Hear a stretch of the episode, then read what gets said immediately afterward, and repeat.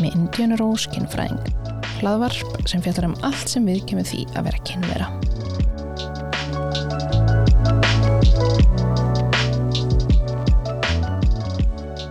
Góðan og blessaðan daginn. Í dag ætlum við að tala um kynlífshandriti og þetta að vera góðir í rúmunu. Og kannski svona, ef þið nenni ekki að hlusta á allan þáttinn, þá er samandagtin mín talið saman í rúmunu.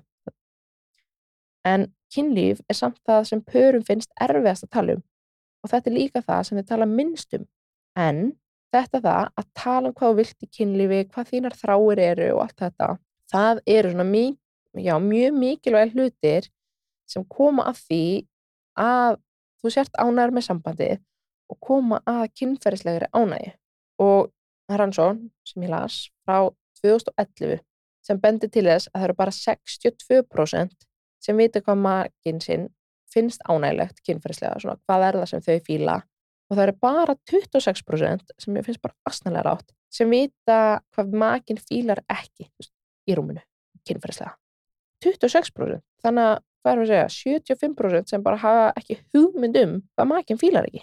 En áðurnum við heldum áfram þá er þátturinn að sjálfsögðu búið elko unnasvara. Það er að sjálfsögðu 30 unnastreiking í elko og þið kynni ykkur það og njóti vel og þátturinn líka er búið Durex smokka og því að sjálfsög gangi hægt um kleðina dyr og kaupi Durex smokka í næstu búðaferð. Ég er bara ein í þættinum í dag. Ég er ekki með einum öðrum hinn hérna í stúdíu ég ætla bara að vera ein að tala og já, tala um kynlífshandritið og hvað er gott kynlíf. Af því að þetta er spurning sem ég fæ reglulega, svona hvernig verður maður góður í rúmunu, það hafa rosamargir áhuga á þessu að pæli hvaða er sem gerir maður góður í rúmunu hvernig gerir maður það, er það ákveðin tækni, það er svo ótrúlega mismunandi eftir fólki. Já, það er ekki í rauninni eitt sem virkar fyrir öll. Ég gæti ekki gefið ykkur útprentan bækling og segðu gerðu nákvæmlega þetta og bam, þú verður góður í rúmunu. Unglingar í kynfæðslu þau vilja mjög mikið fá að vita bara hvað á ég að gera, hvert á ég að láta hendir, hvað nákvæmlega, hvert fara þessi partar. Og það er bara mjög skilinlegt. Ef þú hefur aldrei stundakynlíf og þá er þetta bara rosa mikið óvisað, þú ert rosa stressað yfir hvað, hvað í hanskunum áttu að vera að fara að gera. Og kannski er eina kynfæðslan sem þú ferð, e, eða kynfæðslan að gæðslappa er að horfa klám. Klám er ekki kynfæðsla, það er kynfæðslegt afþrengarefni, þannig við ætlum ekki að læra hvernig við eigum að vera stundakynlíf með að horfa klám, svona tæknilegu aðtriðin heldur fer það bara allt eftir manneskinu sem þú ert með og hvað þér finnst gott líka. En kynlífshandritið Ég veit ekki hvort þið hafi hýrt þetta orð en kynlífshandritið er raunni bara handritið hvernig samfélagið segir okkur að kynlíf eigi að vera. Og þetta er aðalega fyrir sís gagkinnið pör. Sís eins og þau vitið vonandi er bara mér var útluta kynið stelpað að kona þegar ég fættist. Það passar við mig, útluta kynið mitt, passar við kynvitinu minna og kynið mitt. Þá er ég sís, ef ég væri ekki sís þá er ég trans. En allavega, þannig að þetta handrit er svona, já, hvernig við, bæði við og hvernig kynlífið okkar á að vera, hvernig við kynlíf innan gæsalbafa ættum að vera stunda, hvernig kynvitundun okkar er, hvernig kynhegðun okkar er, kyntjáning, já, kynhegðun, allar okkar langanir og þrá og ég er ekki að segja allir stunda svona kynlíf. Þetta er ekki svona, já, handriti mitt er svona kynlífi, svona kynlíf stunda ég. Ég er ekki að segja ég haldi að öll sem er að hlusta á þetta stundi svona kynlíf heldur er handritið, þetta er svona það almenna þema sem kemur upp í samfélaginu. Og það er ekki endilega hvernig kynlífið þitt á að vera. Og það er ekki eins og einhver settist niður bara já endur mín, núna ætla ég að segja hvernig kynlífið er og það er svona. Þetta er bara hvað ég hef heyrt í kringum mig eða við öll hvað við höfum heyrt í kringum okkur, hvað við sjáum í sjómorfi, hvað við heyrum í þáttum, umræðinum kynlíf, allt það sem við lesum, einhver, æ þið vitur svona tímaritt, eitthvað tíu leir til að fullnæga stundagæki kynlíf, tíu leir til að vera góður rúmnu allar þessar upplýsingar saman búa til kynlífshandrituð okkar. Ég er bara einn í stúdíunu í dag. Ég er ekki með henni viðtal, þetta verður bara Indiana að tala. Sem ég finnst ekki að ég elska að tala, þannig ég vona að þið njótið þess að hlusta mig bara, ekki vera að tala við neitt. En þetta er svona meiri svona fræðislega þáttur, alveg eins og ég gerði um túr eða tíðarhingin, ef þið munið eftir þeim þetta, mæli með að hlusta á hann. En eins og ég var að segja, þetta er ekki einhver manneska sem settist niður með þér og sagði hvað er að vera kynvera. Þetta eru þessu skilaboð sem móta okkur sem kynverur og hvernig kynlífin að geslepa er. Þannig þetta er ekki hvernig kynlíf er eða á að vera, þetta er hvernig samfélagi segir okkur þessu, eða svona hvernig kynlífið okkar er. og ég ætla að taka dæmi af pari og upplifun eða svona sjónarhorni hans og sjónarhorni hennar.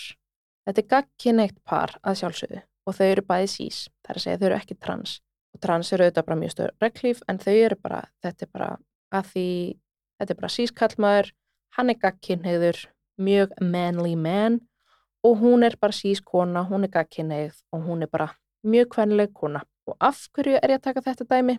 Það voru ekki hei indina, núna ertu ekki verið hins eginn væn. Af því að jú, samfélag okkar gefur okkur handrit út frá sís fólki, út frá gagkinneiðu fólki. Það eru allir gagkinneiðir þanga til annað kemur ljós og það eru allir sís þanga til annað kemur ljós. Hins eginn fólk þarf sífælt á endur tekið að koma út úr skápnum af því það er alltaf áætlað þessu svona tvíhyggja. Það er kynja tvíhyggjan, það eru allir bara, það eru allir sís, þú ert kallað kona og það eru allir gagkinneiðir þángu til ekki með ljós. Ég er ekki að segja það sé svo leis en ég er að segja, ég ætla að tala um handritið út frá þessu af því þetta er handritið sem okkur er gefið. Þetta lang flestar bíómyndir, þættir, sjómarp, allar svona greinar eins og ég var að tala um, það er alltaf verið að gefa konum ráð hvernig það er fyrir á honum, það er allt rosalega gagginett.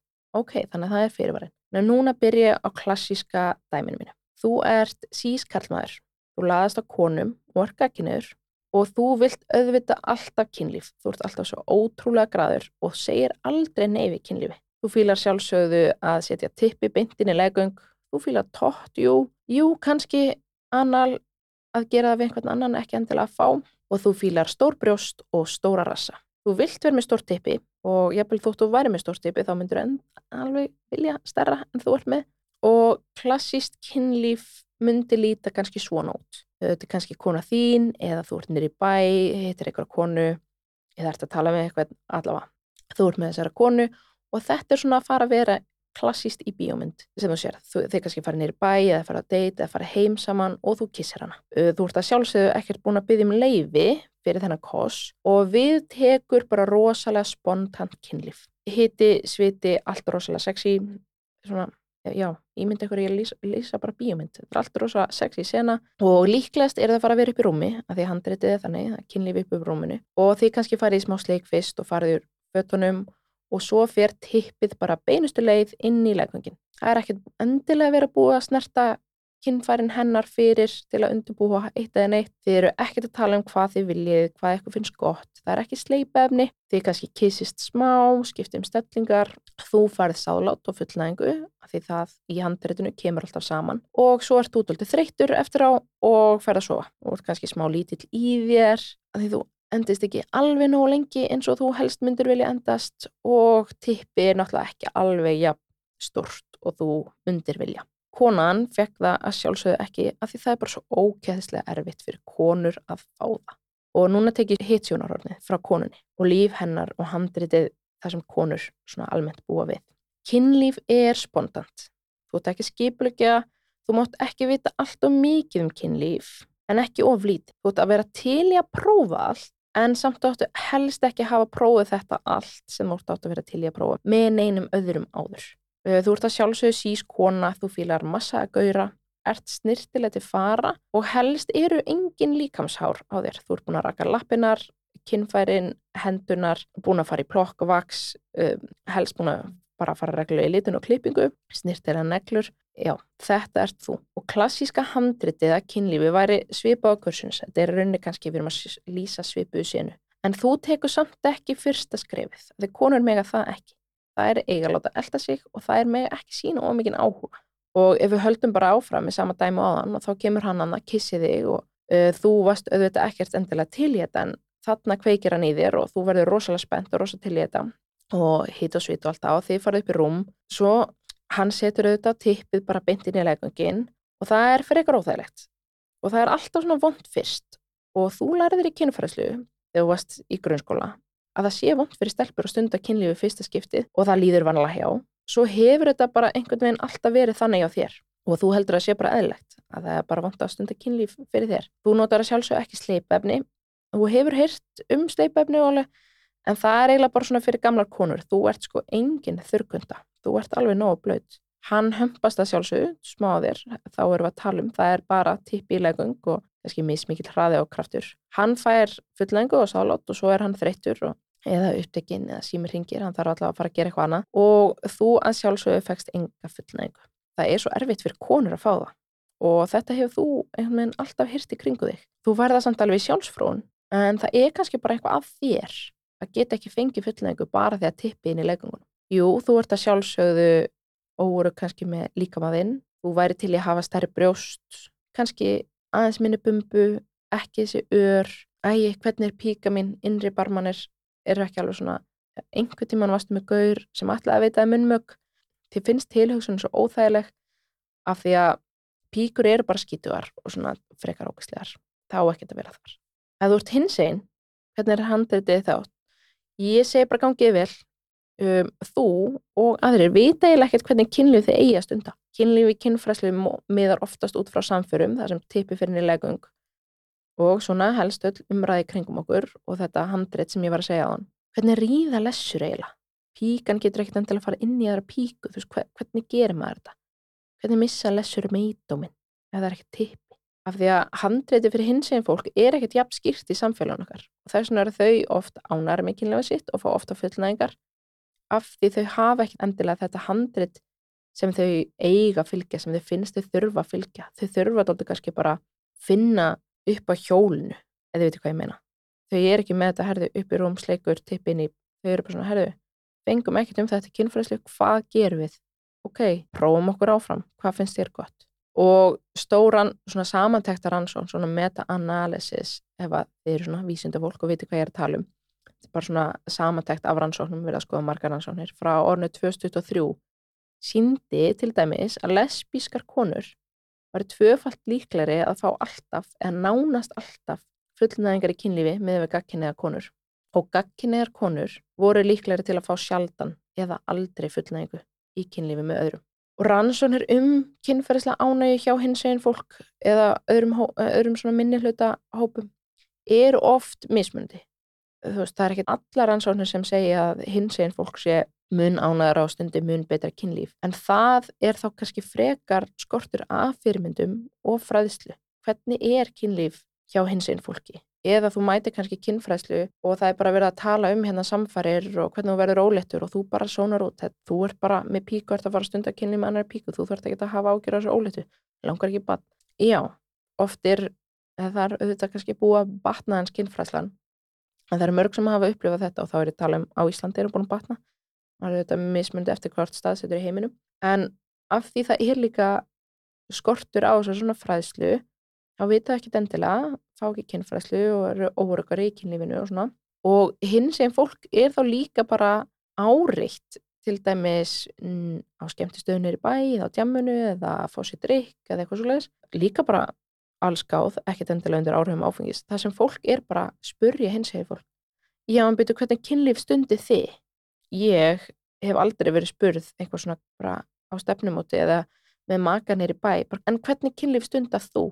En kannski samkynneðar konur er spurðar af þessu sem er smá galið. Það er alveg hægt að kynna sér þetta netinu an þess að vera áreita fólk neyri bæ. Sko, svo til dæmi sem að skoðar bara rannsóknir og ef þið viljið tölfræði og tölfræðinum fullnægara hversu oft þú ferða og hérna mun ég áætla bara að þetta sé sís fólk af því að það er svo sjaldan rannsakað kynlíf hjá transfólki og rannsóknir skoða oftast sís fólk þóttu taki ekki einu svoni, þau segi ekki einu svoni sís fólk en ég er bara áætla það. Sko, hversu oft þú ferða í kynlífi ef þú er gagkinnir kallmaður það er í 95% skipta. Samkinnir menn 89% tvíkinneiðir menn 88%, svo er það lesbísku konunar, þær eru 86%, þannig ennþá nokkuð hátt, tvíkinneiðar konur 66% og gagkinneiðar konur 65%. Þannig að gagkinnir kallmenn, það eru 95% þeirra sem fá fullnæga á meðan gagkinneiðar konur sem er á bottunum í þessari tölfræði það er 65%. Þannig að það er 30% munur þarna á milli. En við ætlum að fara kannski yfir nokkra mýtur sem hafa slæm áhrif á kynlífið okkar og kynlífs ánægjun okkar og þetta að vera góður í rúmunu. Og þetta, þessar mýtur eru allar í dæmisjónum sem ég tók á þann. Og það er fyrsta kannski mýtan er að kallar eru alltaf til í kynlíf og eru bara alltaf graðir og þeir vilja oftar kynlíf en konur og þeir eru bara graðar en konur. En það er bara mýta. Fyrsta lagi þá eru ekki allir kallar alltaf til í kynlíf og allir kallar eru ekkert alltaf graðir. Og það er líka mýta að kallar séu bara yfir höfuð graðar en konur. Það er ekki þannig. Konur hafa alveg ja, mikla kynferðislega löngun. Það getur verið ósamræmi í kynlöngun og það er ekki margt sem hefur áhrif á kynlöngun og það er kannski hallar eins og streyta í heimilinu, það er kannski hallar þá frekar á konur.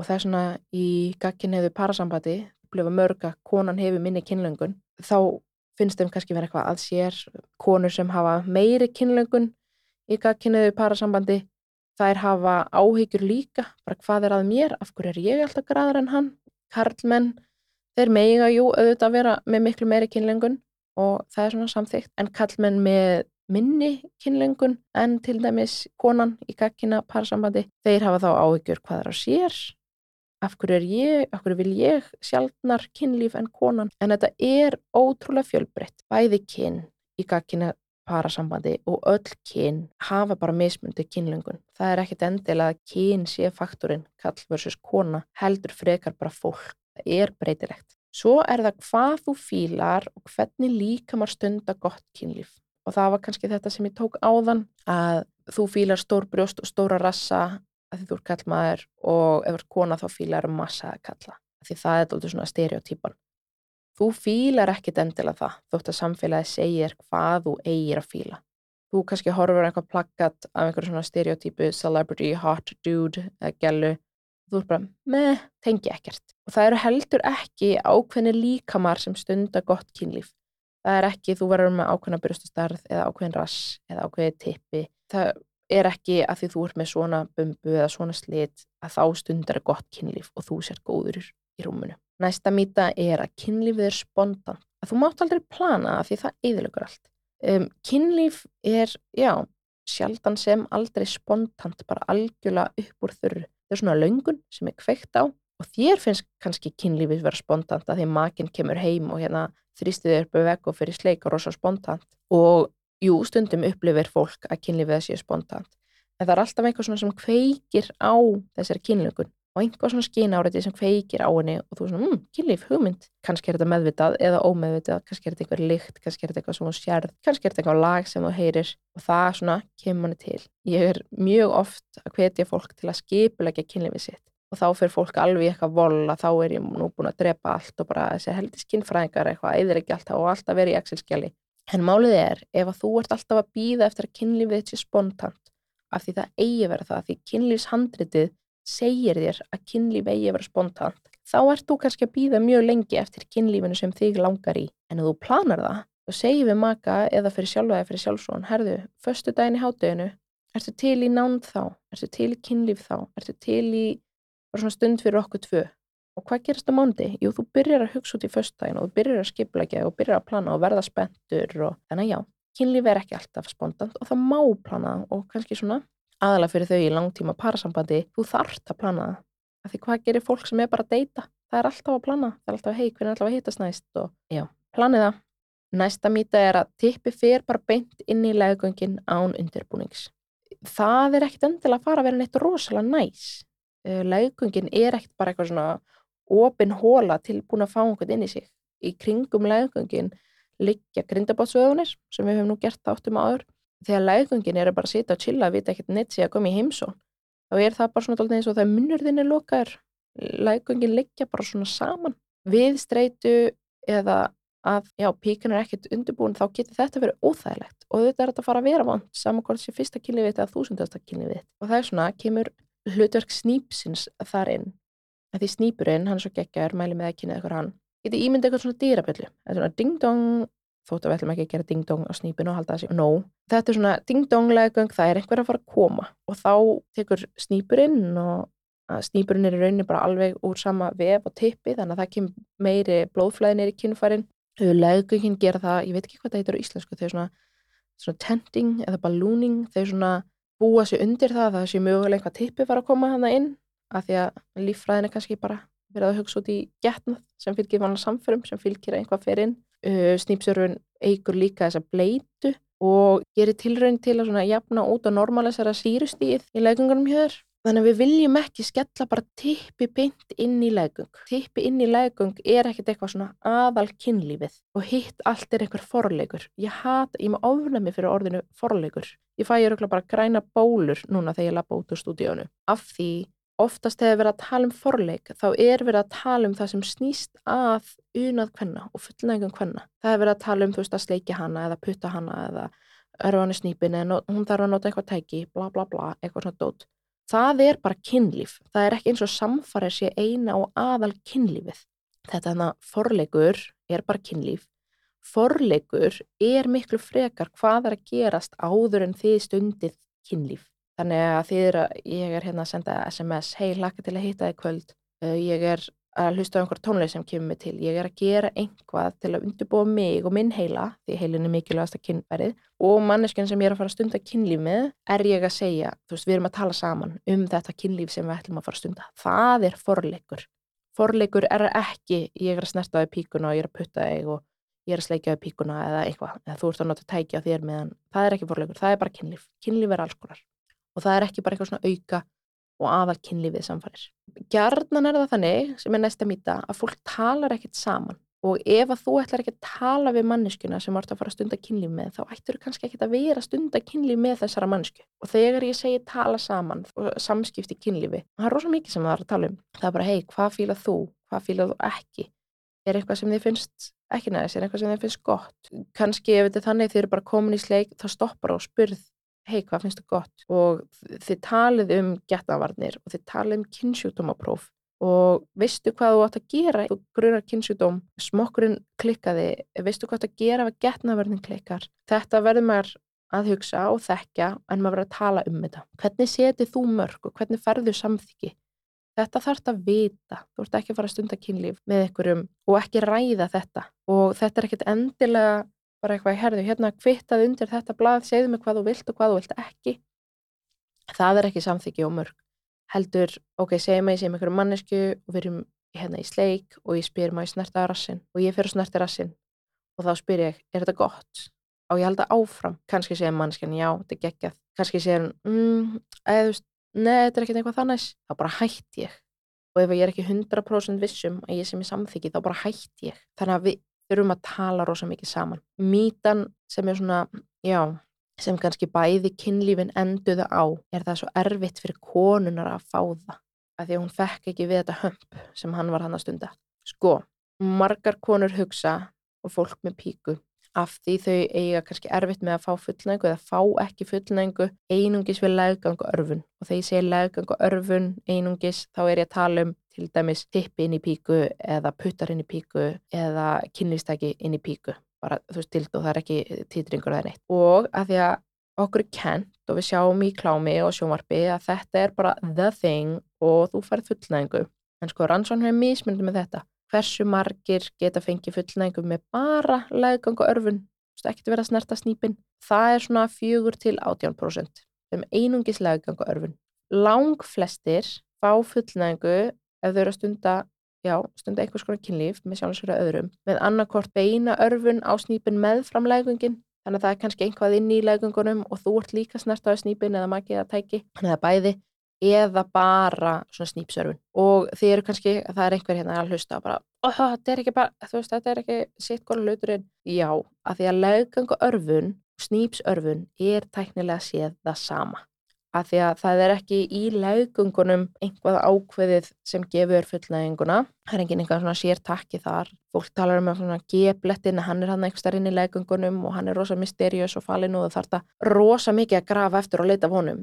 En Þetta heitir, ok sko, við þurftum eiginlega bara sér að þáttum lífræði að því við ætlum alveg að fara djúft inn í lífræðina og er þetta rosalega langt. En þetta er rauninni þannig húkleði snýpin. Hann liggur, hann er efst, niður og í kringum þvagarásuna og niður og í kringum legungin. Og þetta þvagarásuna, legungin og snýpurinn myndar eitt svona komplex saman.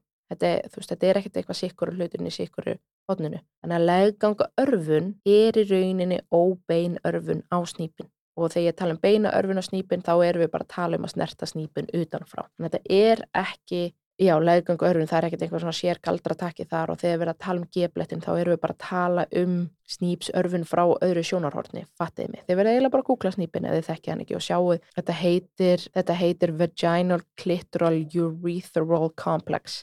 Þetta er snýpurinn þvagra svona það. Þannig að þið verða að googla þetta, ég get kannski sett mynda af þessu með þættinum og það er snýpurinn blessaði sem er með þessa rúmlega 10.000 tauganda sem snú að kynferðislegar örfun og fullnægingu og snýpurinn er raunis eins vefur og tippið þannig að hann fær stampínu þannig að það er svona, já, það er það sem er að láta okkur fá fullnægum. Það er óbein örfun og snýpin eða úr þínni leggungum eða bein örfun og snýpin utanum.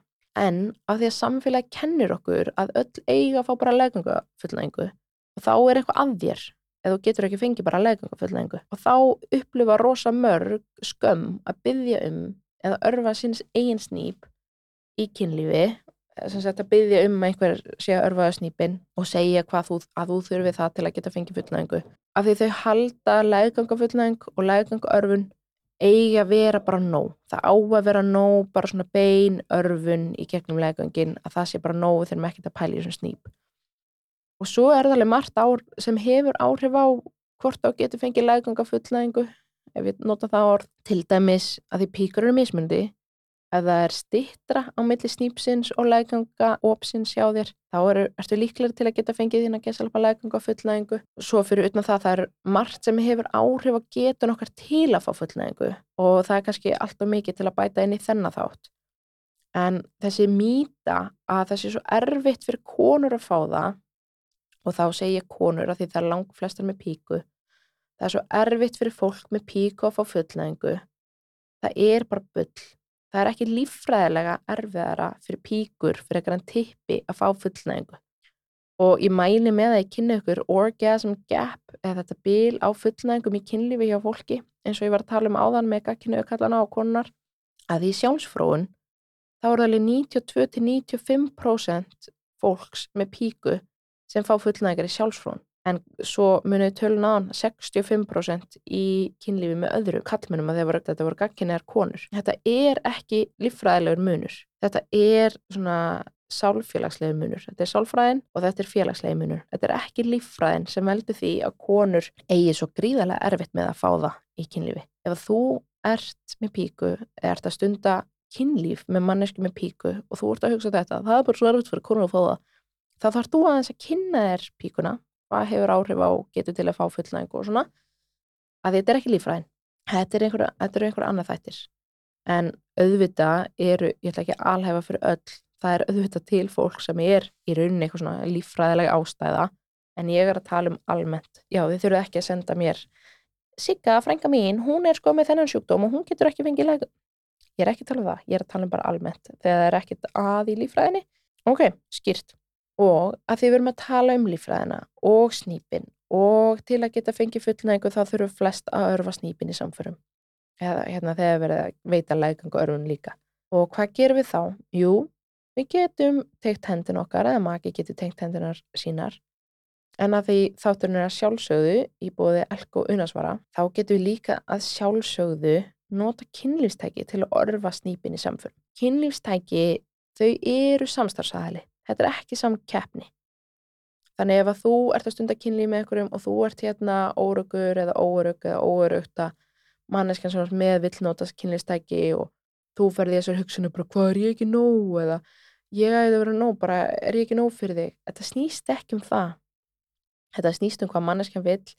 Þetta snýst um að segja fuck you við þetta kynlífshandrit að innan gæsalapa þú eigir að vera nóg stundum þurfa píkur bara meiri örfun en putti eða munnur eða tippi getur veikt og þá er bara fullkomlega eðlilegt að vilja nota kynlistæki og það eru alls konar kynlistæki sem þú getur notað ef það vart að hugsa um til dæmis bara í samförum. Þú getur kæft eitthvað svona lítið og þægilegt egg. Þú getur kæft eitthvað svona lítið og þægilegt egg sem er svona öðvelt að koma að eins og lelo, nea eggið eða lewand eggið þau eru svona nett hætti að koma fyrir, þú getur líka þetta að vera bara með titrara eða sótæki þú verður kannski bara doldið svona ímyndaðir þú verður kannski bara svona nota ímyndanaraflið hvað þér finnst gott og hvað þú fílar. Og það eru þetta hægt að nota þetta þú heldur þessu sjálfur makin heldur þessu fyrir þegar sum tæki eru þannig að það er bara hægt að koma þeim fyrir og þau haldast svona nokkuð ágætlega og það fer auðvitað líka eftir stellingum hvað, hvernig kynlíf þið eru að stunda. En þetta er í alvörunni fullkomlega eðlegt og líffræðin er þannig lang flest með píku þurfa aukna örfun á snýpin og það er engin skömmi því að langa eða vilja eða þurfa að nota kynlistæki til að geta fengið fullnægu fullkomlega eðlilegt. En ef við förum aðeins yfir í samskipti, en núna erum við kannski búin að fara yfir til svona mítunar sem fylgja þessu kynlífshandreiti hvernig kynlífið okkar á að vera. Og það kynlífshandreitið per se hefur svo ógislega áhrif á kynlífið okkar. Af því þetta er ekkert endilega svo hvað þú vilt og hvað þú fílar og hvað þið langar en þú heldur að ég er að fíla þetta og heldur að ég er langar þetta og heldur að kynlífið er að vera svona. En það er ekkert eitthvað geggjað. Við fílum öll mismundi hluti og þetta væri smá svona allir eiga að borða havragraut og ég er ekki að tala um eitthvað svona fancy havragraut með alls konar, alls konar skemmtilega dóti, ég er bara að tala um havragraut ekki kanil, ekki salt bara havragraut af því hann er næringar ykkur og góður. It's good enough. Þannig að það er allt sem þið fáið. En já, þannig að kynlífshandretið hefur þannig áhrif á okkur. Ef við vitum ekki af neinu öðru en havragraut og við tölum ekki um neitt annað en havragraut já, þá erum við bara að fara að borða havragraut og vera kannski tóldi já, miklum vombriðum með havragrautin og heldum bara matur sé ekkit endilega gegn næs.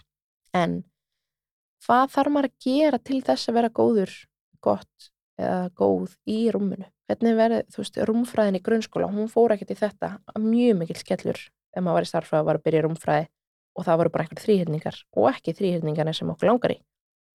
En til að vera góður rúmunu og ég ætla að segja bæði eða ég meina að þið takið þetta til ykkar eða þið eru mörg og segja öll til ykkar. En ég ætla að segja bara bæði að því að langa algengsta það séu bara tvö saman í þessu. En sko bæði þurfa að hugsa um upplifum parsins í held ég ætla ekki bara um að hugsa um mig og ég ætla ekki bara að hugsa um hvað makinn fýlar ég er að hugsa um hvernig er þetta fyrir okkur bæði. Er þetta gott? er þetta næs?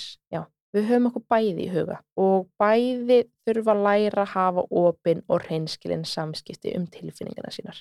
Og þetta getur verið bara ógeðslega erfitt. Aðala ef að þú ert alin upp í því samfélagi sem við erum í hérna á Íslandi sem er því mig bara mjög algengt að þú átt að vera að tala um tilfinningarna þínar og þú átt kannski bara að geðast öðrum.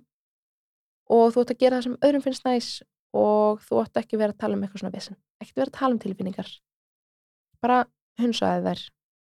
Og þú mátt helst ekki að vera að segja hvað þú í rauninni vilt. Ef þú vilt samband, ah, ekki vera að segja það. Ef þú vilt ekki samband, ekki heldur vera að segja það. Þannig að þetta er, já, þetta er líka bara svona smá væntingastjórn. Við verðum að tala um hvað þið svona viljið fá út úr þessum samskiptum ykkar. Og þá verðum maður að tala um það því miður, hate to break it to you, ef þið er erfitt með að tala um það, þá er alveg hægt að varða í sálfræðings og fá aðstof með að læra það, eða kynlýsráðgjafa eða kynfræðings, getið hérti mér og spurt, hei, hvað á ég verið að tala um? Hvernig ger ég það? þótt að ég sé auðvitað ekki sjálfræðingur og ég er ekki að vinna með eitthvað svona áföll og svona en ég get gefið góður áð og fræðislu um hvað ætti að tala um og hvernig þú gera það og, og þetta tengis kannski tólti fyrsta punkturum en síðasti punkturinn er að við þurfum að læra að meta og mæta þörfum, þrár og ósk hvors annars og sama tíma passa upp á sínar eigin þrár, óskir og þarfir. Þannig að í kynlífi þá er ég að spurja hvað fýla þú, hvað finnst þér gott? En ég er líka að segja hvað mér finnst gott og hvað mér langar og hvað mér langar að prófa og hvað fantasíuna mínar eru. Saman tíma ég er að spyrja þig og ég er að passa að ég fái fullnæðingu ef það er það sem ég vil í kynlífi og það er, það þarf ekki að vera markmið en það má vera markmið.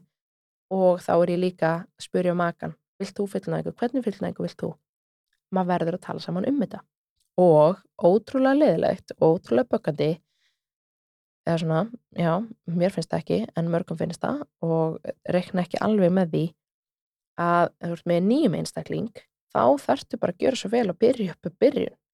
Þú getur ekki tekið það sem fyrrum maki fílaði og ætlaði bara að nota það aftur sama. Kannski varstu með maka sem fílaði munnmög ákveðin hátt virkaði alltaf fulleng easy peasy lemon squeezy og svo ert að sofa í nýri mannsku og þú ert bara, mm, hvað er að þér? Akkur er þetta ekki virkað? Þetta var guaranteed hit. með fyrirverandi það er ekki svoleiðis, við erum öll mismundi, við fýlum öll mismundi hluti og þá þurfum við að byrja upp á bara byrjun í þessum samskiptum líka þegar þú ert lengi með, þú ert í langvarandi sambandi með maka þetta er ekki bara eitthvað sem þið talið um þegar þið voru nýbyrjað að deyta og svo tíu um setna þá eru þið bara ennþá að gera nákvæmlega það sama það sem við viljum og það sem við þráum og það sem við óskum breytist með tímanum. Það er bara fullkomlega eðlilegt. Það er bara part of being human, það er bara hluti af því að vera manneskja. Að hlutinni breytast mismikið hjá fólki en þeir breytast. Og við verðum að halda áfram að tala saman, þetta er ekki eitt spjall einu sinni, þetta er alltaf. Og ef við tölum um líkama og kannski svona hlutverk líkamanns í að vera góður í rúmunu það er ekki endilega ákveðin starð af tippi, brjóstum eða rass það er ekki ákveðin, hvað segir maður hvort þú sért með bumbu eða ekki bumbu eða slit eða ekki slit sem segir til hvort þú sért að fara að vera góður rúmunu ekki. Það sem skiptir miklu meiri máli og aðalmáli er upplifun þín á líkamannu þínum og sjálfsmyndin þín og frekar þessu sálfélagslega þættir heldur en einhver tala á reglustyku eða brjóstarhaldarastærð. Þú þarft ekki verið með ákveðna brjóstastærð eða tippastærð Þannig að þér finnst kynlífið eitt gott eða manneskinu sem vort með finnst kynlífið að vera gott. Og ég kannski nefni tippastærð af því að það er rosalega erfitt fyrir rosalega mörg með tippi er tippastærðin. Og það er ekki endilega að segja að ég sé að þú veist það er svo erfitt fyrir fólk með 20 cm tippi. Það er bara fólk í meðalstærð og yfir meðalstærð þótt ég hatt þessa meðalstærðmælingu.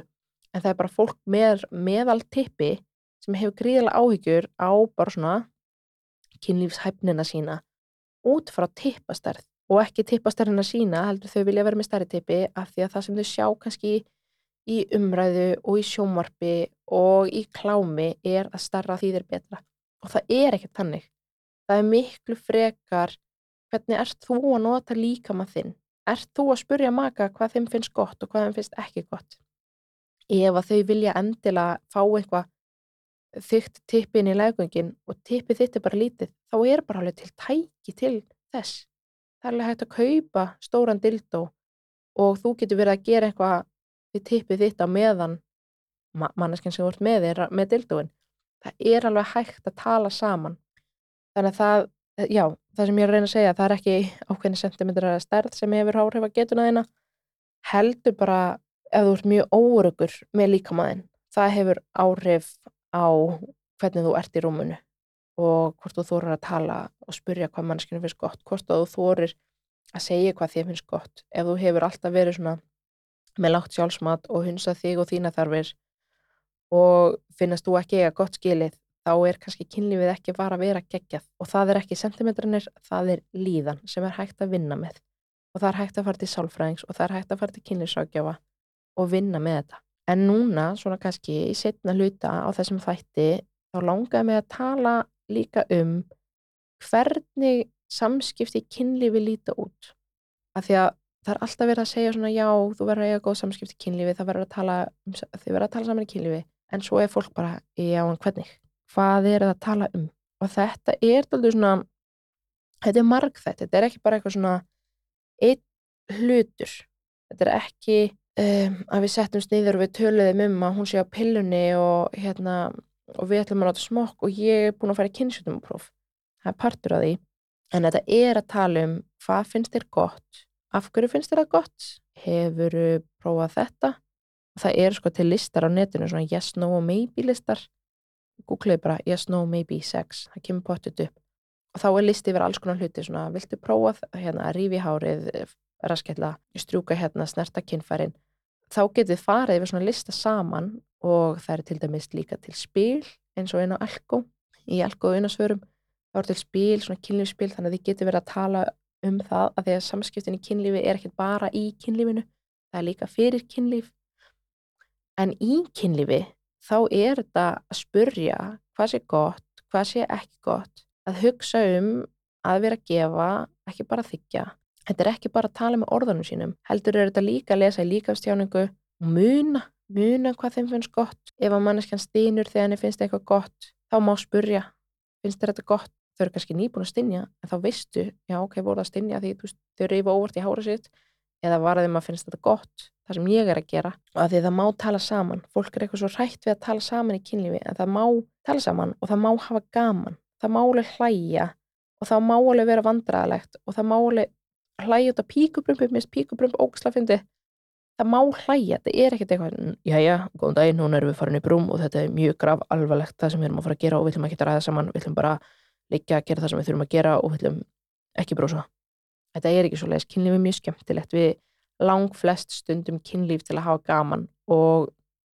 ég allavega og held lang flest vilja manneskunni sem er með líði vel líka, þetta er ekki bara mig og þá bara verði ég tóltið að tala saman og það er það sem gerir kynlíf gott er að tala saman. Og það má segja ef þú fílar ekki einhvað það má segja, það er minnst óþægilegt eða nei ekki alveg svona að tala saman í kynlífi er líka að gefa bara beinar svona cold hard leiðbynningar bara mjög beinar og skýra leiðbynningar nei, upp, niður, hægri, vinstri hraðar, hægar já, bara mjög lýsandi leiðbynningar það má líka vera að gera mannskjan sé að gera eitthvað, þú mátt segja þetta er gott, haldu áfram, eða ekki hætta. Og þegar manneski er að segja setja mörg, þá hlustu við að sjálfsögða það. Og það getur verið bara svona, nei, æg, mér finnst þetta óþægilegt, það getur verið hættu, það getur verið stopp það getur verið ef við að prófa eitthvað annað Þannig erum við líka að skoða líka stjálfing fólks ef einhver ítir hendinniðinni burt þegar þú setur hendin á rassin, það er verið að segja nei, ég fer ekkert bara aftur tilbaka. Þannig að tala saman, það er kannski svona útígangspunktur minn. En ég spurði á Instagram, ég baði um svona insendsför, nafnlaust, ég setti bara svona Google Forms skjælinn og þar spurði ég, ég spurði eiginlega þrjár spurningar eða fjórar, að ég baði um svona bakgrunnsupplýsingar, ég tel það ekki með. Ég spurði hvað er að vera góður í rúmunu, besta kynlífið þitt og versta kynlífið þitt. Ég ætla að lesa bara upp úr innsendu svörunum núna. Bara, þetta er ekki mjög langt. Og fyrsta er hvað er að vera góður í rúmunu og ég set góður í rúmunu í gesalappir. Að vera góður í rúmunu er að gefa en ekki bara þykja. Spurja samspilara hvað sé gott og hvað ekki, lesa í líkamstjáningu, muna hvað þeim finnst best og spila með það. Ég var einu svona hitta mann sem hafði orð á sér fyrir að vera afar góður í rúmunu og ég bara verða að vera sammála því Ástæðan var hvorki tippastærn nýja tunguleipur heldur let hann dæluna ganga um hvað ég var hot og æðisleg og hvað honum finnist þetta gott. Þannig að það var ekkit rými fyrir meinar óryggis hugsanar um líkaminn, læra eða maga eða appelsinuhúð, hárvöxtlikt eða hvað það sem nú er sem poppar vanlega upp og trublar kynlifið. Heldur gæti ég bara slakað á, noti mýð og með leið eins og giðja. Að vera tillitsamur kakvart hinn í mannskinni og meðvitaður um hana og hennar tilfinningar og vilja. Að kynlífi sé skemmtilegt og að báðir aðlar sig að njóta sín. Að vera góður í rúmunu er getan til að afhjúpa sig, sagt hvað maður vill og vera samkamur sjálfum sér og búið til örugt rými fyrir bólfélagan að gera það sama. Að vera góður í rúmunu er að hlusta á bólfélagan og reyna að hugsa um hvað þau vilja en ekki bara hvað er best fyrir þig. Að vera góður í rúmunu er að vera munaðarfullur og gefa hinum aðilanum tíma að hlusta og vera til í að hafa gaman, ástríða og gott dörtítólk en ekki yfirstrykið. Þannig að við tökum samantengt úr þessu, þá er þetta bara samþykju mörg sem eru auðvitað bara að tala saman, spyrja hvað er gott og hvað þið fíla og hvað þið fíla ekki, segja hvað þú fílar og hvað þú fílar ekki. Til dæmis manneskjan sem talaði um að þeim fannst geggjað hvað aðilin var að hrósa um ótrúlega mikið. Það má alveg segja, herðu, ég fíla í kynlífi að þú sér bara endalust að hrósa mér. Mér finnst það mjög hot. Það má segja það það má líka byggja mannskjörnum bara, herru, ef þú ert að tala það bara tröfla mig, ég er að reyna að njóta hérna ekki vera að tröfla mig, e, bara getur ta ekki tala þegar ég er að alveg að fá það eða eitthvað svo leiðis og hvað líkamstjáningu mikilvæg? Og svo ætlum ég að ljúka að lesa upp úr svörunum um besta kynlífið sem ég hef stundað og versta kynlífið. 28 ára sískona. Besta kynlífið sem ég hef stundað var þegar ég og maki minn vorum búin að ræða ofinskátt um kynlíf og hvað það var sem okkur langaði að gera í það skipti fyrsta skipti sem ég fekk fullnægu í langan tíma. 30 ára kona. Besta kynlíf sem ég hef stundað var one night stand með gæja sem ég kannast við. Hann var ofullur til að vinna til mikill afrega og hans hugmynd á kynlífi var bara tippi í píku. Engin snýpsörfun, kossar eða neitt. 34 ára kall. Besta kynlífið sem ég hef stundað var þegar það var skellir hlegið saman í miðjum kliðu. 42 ára kall. Það er ekkert verst en þau skipti sem ég líður eins og makin er bara að gera þetta fyrir mig, sem er ekki oft, er þau skipti sem ég væri bara til í að sleppa því. 29 ára kona. Besta kynlífið sem ég hef stundað var með fyrirvændi maka. Var náinn tjúptenging, mikið hort í augu, talað, snert, kist og ég elska tís. 47 ára Karl. Besta kynlífið sem ég hef stundað var því ég loksins leiði mér að prófa það sem ég vildi prófa og skellti homofóbíunum minni til hliðar.